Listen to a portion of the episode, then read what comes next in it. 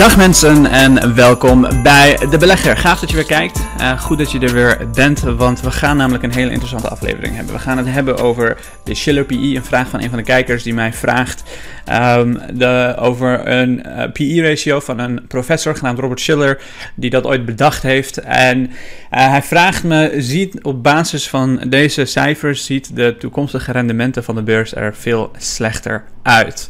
Dus dat is wat we gaan bespreken. En we gaan bespreken wat ik met AvePoint ga doen. Heb ook, uh, ook daar heb ik een vraag gekregen van een van de leden. Dus, wordt al met al een interessante aflevering, denk ik. Dus ik hoop dat je dat ook vindt. Um, ik ga je niks aansmeren. Je hoeft geen account aan te maken bij de Giro. Je hoeft geen Coinmers account aan te maken. Je hoeft geen affiliate linkje te klikken of whatever. Dus on onafhankelijke content waarin ik iemand die uh, zijn eigen vermogen belegd heeft op de beurs jou vertelt wat er van alles en nog wat, wat er aan de hand is op de beurs. En vooral met een educatieve oogpunt waarbij ik probeer mijn kennis over te dragen, zodat je leert wat er daadwerkelijk allemaal aan de hand is. Nooit financieel advies, maar wel interessante content, volledig onafhankelijk. Waar uh, we van alles en nog wat eigenlijk gaan uh, bespreken. Dus die twee vragen die ik net benoemde, gaan we vandaag bespreken. Als je mijn content wil supporten, als je onafhankelijke content wil supporten, zorg dat je even een like achterlaat en even abonneert. Want er zijn heel veel mensen die naar mijn video's kijken en nog niet geabonneerd zijn. Dus, dat gezegd hebbende, laten we meteen beginnen. Uh, mijn portefeuille 8.500 euro in het verlies vandaag. 4 ton staan we vandaag op. alle beurzen in het rood, vooral tech doet het heel erg slecht. Um, en de vraag die ik kreeg vandaag was van Ace. Ace die zegt, hey Rabi, ik ben benieuwd naar jouw mening hieromtrent. Hecht jij veel belang aan dit soort indicatoren? Um, bijvoorbeeld de Schiller PE van de S&P 500. En of denk je dat we nu in andere tijden zitten en dat vergelijkingen met het verleden een vertekend beeld geven? Ik moet namelijk toch wel toegeven dat ik bij het zien van dit soort foto's vrij pessimistisch word over de rendementen die ik mogelijk zal behalen uh, de komende jaren. Dus. Hele interessante vraag. Ik zal mijn visie en mijn mening uh, hierop uh, loslaten. Um, en ik hoop dat, je, dat het voor je duidelijk wordt wat uh, de Schiller PI daarna betekent, maar ook hoe ik de toekomstige rendementen van de markt zie. Daarnaast gaan we de vraag van Chris bespreken, maar die komt zo meteen. Laten we eerst even kijken naar wat de Schiller PE ratio is. De Schiller PE ratio is eigenlijk um, wat hij namelijk laat zien is dit. Even kijken, dit is wat hij laat zien. Dit is de Schiller PE ratio. Ehm, als je hem gezien hebt, dit is de PE ratio geadjust voor inflatie als het ware. Wat je ziet namelijk is dat de, tijdens de dotcom-bubbel dat die PE-ratio belachelijk hard gestegen waren. Omdat er in die tijd heel veel bedrijven waren zonder echte earnings, maar de koersen die bleven alsmaar oplopen. En daarna is het gezakt, um, eigenlijk gelijk met die crash van de dotcom-bubbel. Dus er zat gewoon heel veel lucht in die tijd in de markt. Zelfs met 2007 is het ontiegelijk hard gezakt. Uh, nadat het hier een stukje best wel ja, hoog zat, laten we zeggen, door de uh, huizing, uh, huizingcrisis, huizenmarktcrisis. Daarna is het in een één stuk lijn of één rechte lijn omhoog gaan tot en met nu 39. En wat de Schiller PE ratio is, pricing, price earnings ratio, is based on average inflation adjusted earnings from the previous 10 years, known as the cyclically uh, adjusted PE ratio, CAPE ratio, Schiller PE ratio. Cyclically betekent uh, cyclisch, dus uh, met de economische cyclus ermee van hoogconjunctuur en laagconjunctuur. Um, ja. Dus het kijkt naar de earnings van de afgelopen 10 jaar en uh, adjusted for inflation. En naar mijn mening is daar best wel wat mis mee. De formule is ongeveer dit: share price delen door 10 jaar uh, uh, gemiddelde inflatie en minus adjusted earnings. En dan krijg je een Schiller PE ratio. En het schijnt volgens de, de professor Schiller een beter beeld te geven bij de PE ratio. Maar ik vind persoonlijk nou, dat, ja, dat, dat, dat dat niet uh, een, een goed beeld geeft bij wat er nu aan de hand is. Het is niet zo dat uh, het historisch gezien iets, iets raars is of zo, maar um, uh, wat je nu eigenlijk hebt gekregen is een enorme klap in een heel groot gedeelte van de economie. Dus een heel groot gedeelte van de economie is zelfs nu nog niet volledig operationeel. Dus om te zeggen dat, dat, uh, dat de Schiller hier hoog staat, betekent dat je zegt dat eigenlijk heel veel, al die bedrijven die nog geen winsten maken, die nog geen um, ja, eigenlijk geen um, klanten hebben op dit moment, omdat ze gewoon simpelweg gesloten zijn en dergelijke en niet meedoen met de economie, dat we die ook mee gaan rekenen. Dit is best wel een unieke tijd waarin we gewoon simpelweg een enorme lockdown hebben gehad en die Schiller PE ratio loopt overigens ook achter. Als je naar de normale PE ratio kijkt, dat is, dit kijkt gewoon simpelweg naar de price-earnings ratio, oftewel de koers-winstverhouding van het afgelopen jaar. Um, dan zie je toch wel een ander beeld. Je zag hier enorme schok, daarna is naar beneden gegaan. En zoals je weet, PE ratio is afhankelijk van twee factoren. Eén, de prijs. Ja, de prijzen van de, koer, de, koersen zijn ontiegelijk hard gestegen. En twee, de earnings, oftewel de winsten van bedrijven. En die earnings zijn ook gestegen. Dus je ziet een daling in de PE-ratio, terwijl de prijzen toch wel flink zijn gestegen. En de grootste katalysator, denk ik, voor de markt is altijd, de markt die volgt altijd de earnings, oftewel de winsten die bedrijven boeken. En zolang die winsten goed blijven lopen de komende jaren, zal de markt ook niet echt heel erg veel daarvan gaan merken. Maar als die winsten niet goed lopen, stel dat die Omicron variant uh, dusdanig veel effect heeft, of dat uh, Evergrande dusdanig veel effect heeft dat heel veel bedrijven in een soort kredietcrisis te terechtkomen, of dat de hogere rentes voor een heel groot gedeelte van de economie, die toch wel als zombies opereren, omdat ze heel goedkoop hun geld of uh, hun, hun, hun, schulden kunnen blijven herfinancieren. stel dat dat soort dingen een groot effect gaan hebben, ja, dan ga je wel nat. Maar als die earnings goed blijven gaan, als de winsten binnen blijven komen, dan zie ik persoonlijk geen verdere issues. Als we kijken naar dit grapje. In 1999 heeft uh, Time um, uh, Magazine heeft de Jeff Bezos als de uh, Person of the Year uitgekozen. Dat was de hoogste, van, hoogste punt van de, van de, van de bubbel. En uh, iemand stuurde, ja, Time Magazine heeft Elon Musk nu als de uh, grootste als de person of the year uitgekozen. Dus een indicator dat we, dat we elkaar gaan vallen. Vond ik, vond ik wel een leuk grapje. Dacht, delen waard. um, maar ik zie, ik, ik zie over het algemeen geen grote issues, denk ik. Um, kijk, het is heel simpel. Als die koersen dusdanig oplopen, uh, dan zullen ze het ook gewoon simpelweg uh, moeten gaan dalen om weer naar het gemiddelde terug te komen.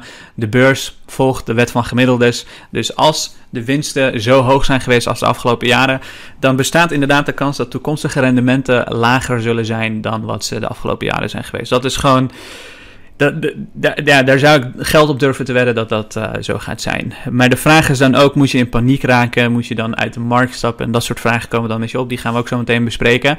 Maar laten we even kijken naar Um, uh, wat er op de beurs aan de hand is. Kijk, vandaag zie je overal rood. Waar je geen rood ziet is consumer defensive. Je ziet bij healthcare en real estate zie je geen rood in utilities.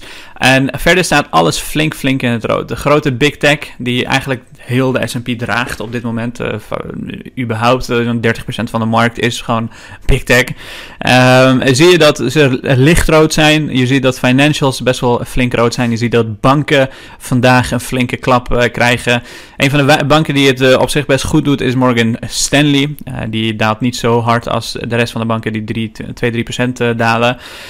maar wat de beurs eigenlijk vandaag aan het doen is, is die zeggen: wij kopen Pfizer, wij kopen J&J, wij kopen Apfi, wij kopen Merck. Wij kopen allerlei healthcare bedrijven waarvan we denken dat die gaan profiteren van bijvoorbeeld een gezondheidscrisis. Dus de, een van de uh, dingen die hieruit zou kunnen leiden, dat mensen denken dat inderdaad uh, Omicron een rol gaat spelen.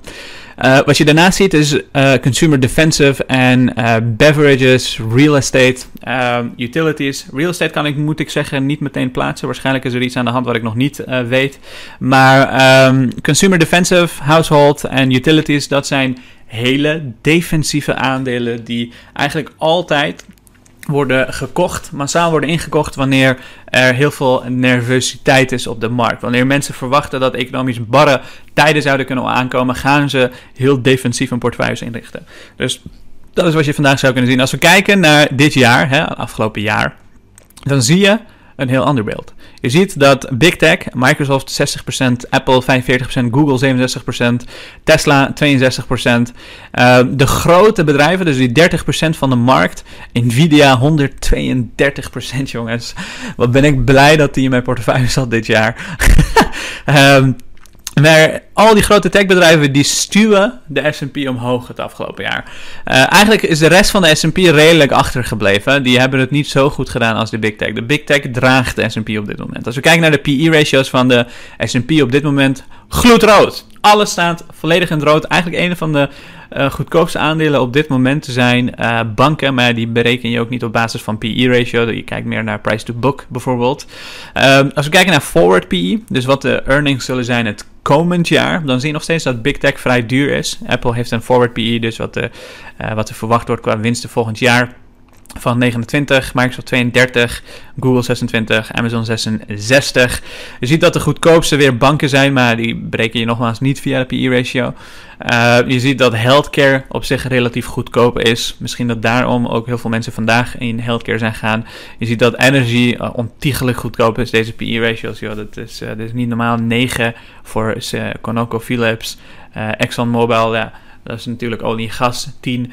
De olie- en gasindustrie is gewoon heel goedkoop op dit moment. Dus zelfs die PE-ratio's in de toekomst, een jaar vooruit, zien er niet heel gunstig uit. Dus heel veel is al ingeprijsd, zou je kunnen zeggen.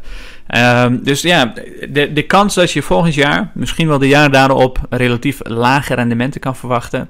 Uh, lager dan wat ze in de afgelopen jaren zijn geweest. Want laten we eerlijk zijn, de afgelopen jaren zijn ze echt insane geweest. Dit jaar gewoon bijna 25, 30 procent aan rendementen als je alleen al de index had gekocht. Um, dat is niet iets wat je jaar op jaar kan verwachten. Want als je dat krijgt, dan zitten we over een, een aantal jaar aan echt uh, alle geld van de wereld moet dan in de beurs zitten. Zowat uh, wil, je, uh, wil je zo blijven groeien. nee, wat er moet gaan gebeuren we komen het, over de loop van tijd heen, is dat die winsten omhoog gaan of dat de koersen omlaag gaan. En ik denk dat een combinatie van beide ook wel gewoon mogelijk is. Dus ik zie op zich geen enorm grote issues. Kijk, als je kijkt naar Amazon, uh, als je kijkt naar de historische Amazon, uh, PE-ratio van Amazon, dan zie je uh, dat ze in 2008 PE-ratio van 50 of zo hadden. dat is eigenlijk gelijk gebleven tot en met 2011, 126. Hier hadden ze een PE van 3000, omdat ze een tijdje minder winst hebben geboekt. Dus je ziet de EPS van 0.181 naar 0.07 dalen. je ziet dat ze sinds 2016 eigenlijk uh, 190 PI hadden tot en met 112, 74, 80, 93, 100. Uh, en op dit moment ergens rond de 67 uh, zitten. Maar wel natuurlijk een veel hogere EPS van 51 per aandeel. Uh, dus ja, ik weet niet wat je ervan uh, moet maken. Zo'n PE-ratio zegt natuurlijk uh, over het algemeen niet alles. Shopify, hetzelfde, had altijd een negatieve PE-ratio, dus dat zie je niet, want je ziet EPS min 43, min 70 enzovoorts. Tijdens de COVID-pandemie hebben ze eigenlijk een heel groot gedeelte van hun winsten geaccelereerd. Je ziet EPS stijgen en de PE-ratio richting 86, 75, 50 en 54. Het is wel een vertekend beeld overigens bij Shopify. Ik heb vandaag een hele duidelijke training gemaakt waarin ik mensen uitleg die in de community zitten, zitten uh, hoe je de financiën van een, van een bedrijf kan lezen. Bijvoorbeeld hoe je de netto winst kan berekenen, uh, hoe je de resultatenrekening kunt lezen, hoe je de balans kunt lezen, hoe je de kasstroomoverzichten kunt lezen, zodat je een helder beeld hebt bij hoe financieel gezond is een bedrijf en hoe je dus uh, saus kan maken van de jaarrekeningen van bedrijf, wanneer je fundamentele analyse gaat doen bij een bedrijf. Als je hem nog niet gezien hebt en je bent lid, check hem zeker even. Het leert je namelijk ontiegelijk veel over alles wat je moet weten om als een CEO uh, naar de cijfers van een bedrijf te gaan kijken. Uh, dat is overigens ook hoe ik het op in het begin geleerd heb. Ik heb het geprobeerd zo simpel mogelijk te maken voor beginners, zodat je gewoon een goed beeld hebt bij de financiën van een bedrijf. Dan zie je waar dat ook dus bijvoorbeeld aan ligt dat die PE-ratio nu wat lager is dan, dan normaal. Um, dus het is, ja Heel simpel, ik kijk naar die indicatoren, maar ik kijk vooral op, uh, als de PE-ratios aankomt, op de kortere termijn dan de Schiller PE. En uh, ik kijk het per bedrijf specifiek. Ik, ik, ik, ik, ik beleg in bedrijven uh, en natuurlijk ook een gedeelte in ETF's, uh, wat ik over de afgelopen jaren steeds meer heb gedaan, omdat ik uh, ook gewoon een groot gedeelte van mijn vermogen veiliger wil stellen. Ik merk dat ik opeens heel veel vermogen heb en dus ehm, ja, ook een gedeelte gewoon wat veiliger wil, wil neerzetten. Ehm, maar als je kijkt bijvoorbeeld naar de, de, de cijfers. Hè. Time, je hoort heel vaak time in the market beats timing the market. Dus als je nu op basis van dit soort zaken gaat handelen, ja, dat, kan je natuurlijk wel doen. Maar hier is iemand die een onderzoek heeft gedaan. Dit soort onderzoeken zijn heel vaak gedaan. En, en die belegt eigenlijk voor drie verschillende mensen 100 euro per maand. En wat je ziet is de eerste belegger die koopt eigenlijk iedere keer precies op het juiste moment. Dus iedere keer in datzelfde maand als de beurs op het allerlaagste punt staat, koopt hij uh, voor 100 euro uh, de S&P 500. Een andere, uh, die koopt het iedere keer op de allerslechtste moment. En de laatste, die koopt het elke keer gewoon aan het einde van de maand zonder verder na te denken over wat er, wat er aan de hand is. Dus iedere keer gewoon als klokwerk aan het einde van de maand. Uh, dat is ook overigens het meest realistische scenario voor de meeste mensen. Je gaat nooit de laagste punten kopen en je gaat nooit op de hoogste punten kunnen, kunnen, kunnen, kunnen kopen. Uh, kan wel, maar niet doordat je dat zelf wilt. um, ik, ik weet dat er heel veel mensen zijn die uh, tegenwoordig allerlei technische analyses en zo van, op, van alles en nog wat loslaten. Dat kan je doen, maar je gaat nooit de markt kunnen timen. Dat is gewoon onmogelijk. Dat, ja, als je gaat daghandelen en een beetje gaan speculeren en wil gokken, ja, dat, dat kan. ik doe dat persoonlijk soms ook gewoon voor de grap, omdat het leuk is maar uh, dat is niet hoe je op de lange termijn een vermogen opbouwt. Maar laten we even kijken naar uh, deze drie cijfers. Ja, daar kom je uit op de eerste belegger komt op 648.000. Tweede komt, dus die op zijn allerslechtste moment koopt, uh, eh, 611. En degene die gewoon random aan het einde van de maand koopt, komt uit op 628k. Dus die verschillen zijn niet enorm groot. En als je nu gaat uh, speculeren op, ja, ik uh, moet nu verkopen, want de rendementen zien er in de toekomst niet uit. Ja, je belegt voor de lange termijn. Ik beleg ook voor de lange termijn. Dus wat ik vaak doe is, tijdens deze periodes, tussen 2000 en 2003, waar de beurs keihard aan het dalen is, zorg ik dat alles wat ik op kan sparen en naast mijn geld, uh, naast mijn gewoon, gewoon een baan en inkomen eruit haal, dat ik dat gewoon blijf beleggen over de loop van tijd heen. In een bedrijf waar ik in geloof en eventueel ETF's en dergelijke die ik die ik bezit. Hetzelfde hier. Uh, drie jaar is overigens heel lang. Hè. We zitten nu in een maand uh, rode cijfers en iedereen is in paniek. Um, en overigens, zo hard is de markt nou ook weer niet gedaald. Er zijn bepaalde bedrijven die ontiegelijk hard zijn gedaald, maar de markt valt op zich wel mee. Um, ja, dus dat is simpelweg hoe ik erover denk. En ik hoop dat dat je vraag beantwoordt. Alright, nog een vraag die ik kreeg is van Stef Peters. Heb jij nog feedback over de huidige koers van AVPT, oftewel AvePoint? AvePoint is best wel flink uh, gedaald. Sinds de spec is het ongeveer 33% gedaald. Als je op de allerhoogste punt gaat, 16,5 per aandeel, dan is het 60% gedaald. Flinke daling dus. En uh, ja, uh, de, de, feedback over de koers. De koers is gewoon gedaald, jongen. dat is de feedback. maar kijk, hoe, ik naar dit soort bedrijven kijk. Hè, als ik een aandeel koop, dat is ook waarom ik het zelf persoonlijk geweldig en gaaf vind om in de beurs belegd te zijn, in aandelen te kopen. Um, is omdat je je altijd vast kan houden aan het bedrijf zelf. Hoe presteert het bedrijf? Wat zijn ze mee bezig? Is het een kwalitatief een goed bedrijf? Hoe zien de financiën in elkaar? En op basis van al die zaken kun je serieuze uh, beslissingen nemen die, uh, ja, die, die, die gewoon simpelweg wat meer body, oftewel wat meer volume of lichaam kunnen toevoegen aan je belegging. Als je bijvoorbeeld in iets als crypto stopt, je hebt absoluut geen enkel iets op om je vast aan te houden. Dus pure lucht. Je hebt eigenlijk niks anders dan de hoop dat er een ander gek ervoor meer gaat geven. Maar in geval van bedrijven koop je rechtmatig een uh, wettelijk gezien eh, dezelfde recht als de eigenaar van dat bedrijf. Bijvoorbeeld Mimecast, die is recentelijk verkocht voor 5,8 miljard. Ik heb hem gekocht voor ongeveer 40 per aandeel. De eigenaar heeft het verkocht aan een uh, private equity bedrijf voor 80 per aandeel. Hij heeft alle werk erin gestopt. Zijn medewerkers hebben van alles en nog wat gedaan. Hij heeft alle risico's genomen als het ware. En ik ik heb dezelfde recht, omdat ik x aantal aandelen bezit van Mimecast, wanneer het verkocht wordt, als de eigenaar om dus, wanneer dat bedrijf gekocht wordt en van de beurs wordt gehaald, om uh, eigenlijk op basis van het aantal aandelen die ik heb, datzelfde bedrag terug te krijgen. Dus je koopt wettelijk, en uh, als je jezelf een beetje in de financiële industrie hebt verdiept, je hebt recht uh, op stemmen binnen dat aandeel. Je hebt recht. Je bent in principe gewoon eigenaar van dat bedrijf, maar dan voor een minuscuul percentage. Dus vanuit die beleggingsfilosofie beleg ik persoonlijk. En nogmaals, kijk die training van vandaag, dan zie je hoe de financiën van een bedrijf in elkaar zitten. Als je dat niet weet, dan neem je eigenlijk ook gewoon niet de juiste beslissingen. Want je, je moet het bedrijf begrijpen op het niveau van een CEO om um, goede beslissingen erover uh, durven te los te laten. En als je dat begrijpt, dan maakt die koers op zich niet uit. Kijk, Stel, je zou een ijskraam, uh, dat heb ik wel vaak als voorbeeld gegeven. Stel, stel je zou een ijskraam openen. En um, het weer is slecht, uh, dus uh, er komen heel weinig klanten naar je toe. Of je zit, laten we zeggen, de weg wordt afgesloten en er komen weinig klanten uit toe. Of al, allerlei verschillende dingen die buiten jou uh, oh, Ace die bedankt me voor het beantwoorden van zijn vraag. De video is nog niet eens geüpload, dus Ace, niet zo, niet zo snel. um, maar stel nou dat de weg wordt afgesloten enzovoort, dat er heel veel dingen zijn buiten jou, um, ja, buiten jou uh, uh, handelen om waar je niks aan kan doen. In het geval van AvePoint is het dat specs een hele slechte sentiment hebben op dit moment. In het geval van AvePoint is ook dat het een heel nieuw bedrijf is. Je bent een nieuwe ijskraam die op de beurs is gekomen als het ware. En niemand kent je nog. Niemand weet wat er aan de hand is. Grote institutionele beleggers kennen je nog niet. dat zijn de mensen die vaak veel betere beslissingen nemen dan individuele beleggers. Veel individuele beleggers beleggen in je.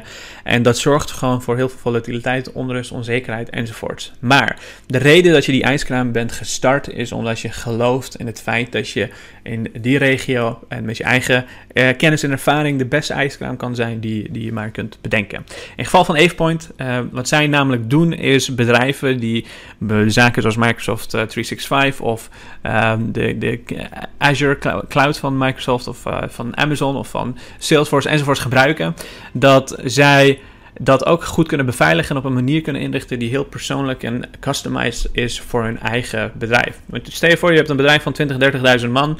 Um, hoe ga je dat ooit inrichten? Hoe ga je dat zo veilig en goed mogelijk doen als je de kennis zelf niet in huis hebt? Dan ga je naar AvePoint en zij zorgen ervoor dat dat gebeurt.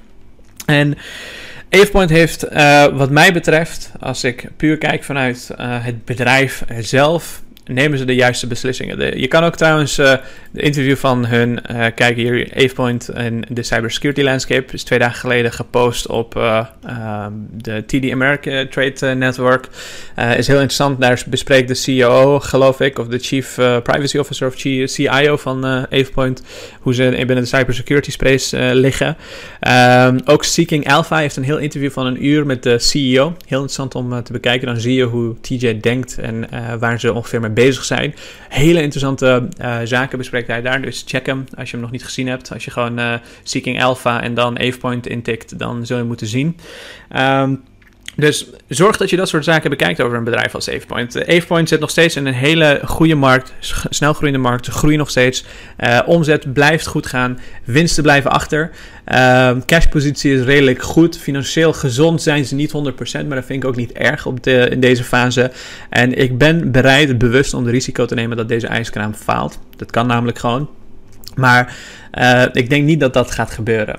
Um, zolang ik zie dat de omzet blijft groeien, zolang ik zie dat al die verschillende trendlines voor cloud migratie, voor cybersecurity, um, uh, uh, simpelweg aan stijgen zijn en dat zij dus meestijgen met die verschillende trends, dan zijn ze de juiste dingen aan het doen. En als een aandeel daalt, bedrijf die blijft groeien, dan volgt de koers altijd ook het aandeel, de, het bedrijf. Dus ik maak op zich geen zorgen. Ik denk dat Eva nog steeds goede dingen aan het doen zijn. Ik ga ook niet van de ene dag op de andere dag mijn ijskraam uh, verkopen of sluiten. Uh, zolang ik dingen in eigen controle heb, zolang de juiste dingen aan, blijven doen, aan het blijven doen zijn, ja, dan maakt het niet uit dat de weg eventjes ge, gesloten is of dat er weersomstandigheden anders zijn enzovoorts. Um, als ik merk dat ik bijvoorbeeld door mijn eigen toedoen, hè, dus doordat management iets vreemds doet, of dat bijvoorbeeld veel minder vraag is naar ijs over de loop van tijd heen. Als al dat soort zaken veranderen, vanuit fundamentele analyse oogpunt, dat is het moment wanneer ik denk aan verkopen. Dus uh, ik hoop dat je wat feedback geeft over AvePoint. Ik blijf hem nog steeds bezitten. Uh, mocht ik echt drastische dingen zien veranderen, dan zal het ook voor mij afgelopen zijn voor AvePoint. Jammer, want ik sta er namelijk 40% verlies op. Is nooit leuk, maar een van de weinige bedrijven die, uh, waar ik op dit moment gelukkig verlies op sta. En je moet je altijd ook uh, bewust zijn van het feit dat je niet altijd gelijk gaat hebben. Je gaat niet altijd de beste beleggingen maken. Er zijn heel vaak momenten dat je fouten maakt, maar je wilt idealiter zo min mogelijk fouten maken. Zo min mogelijk slechte beleggingen maken. En als je dat kan, dan ga je over de loop van tijd heen wel gewoon een prima vermogen kunnen opbouwen. Dank voor het kijken vandaag. Niks wat ik vandaag zei is financieel advies. Ik geef natuurlijk puur gewoon een simpel mijn mening. Als je mijn content wil supporten, zorg even dat je lid wordt. Ik heb nog heel veel leerzame, um, uh, leerzame video's die ik voor uh, beleggers maak. Mijn portfolio kun je zien, mijn transacties kun je zien, al dat soort zaken, zodat je ziet waar ik ongeveer mee bezig ben. Als je dat gaaf vindt, word lid. Hieronder ook nog eens een leuke kortingscode waarbij, je wat, waarbij het wat goedkoper voor je wordt. Um, ja, leuk dat je weer hebt gekeken. Hele fijne avond nog en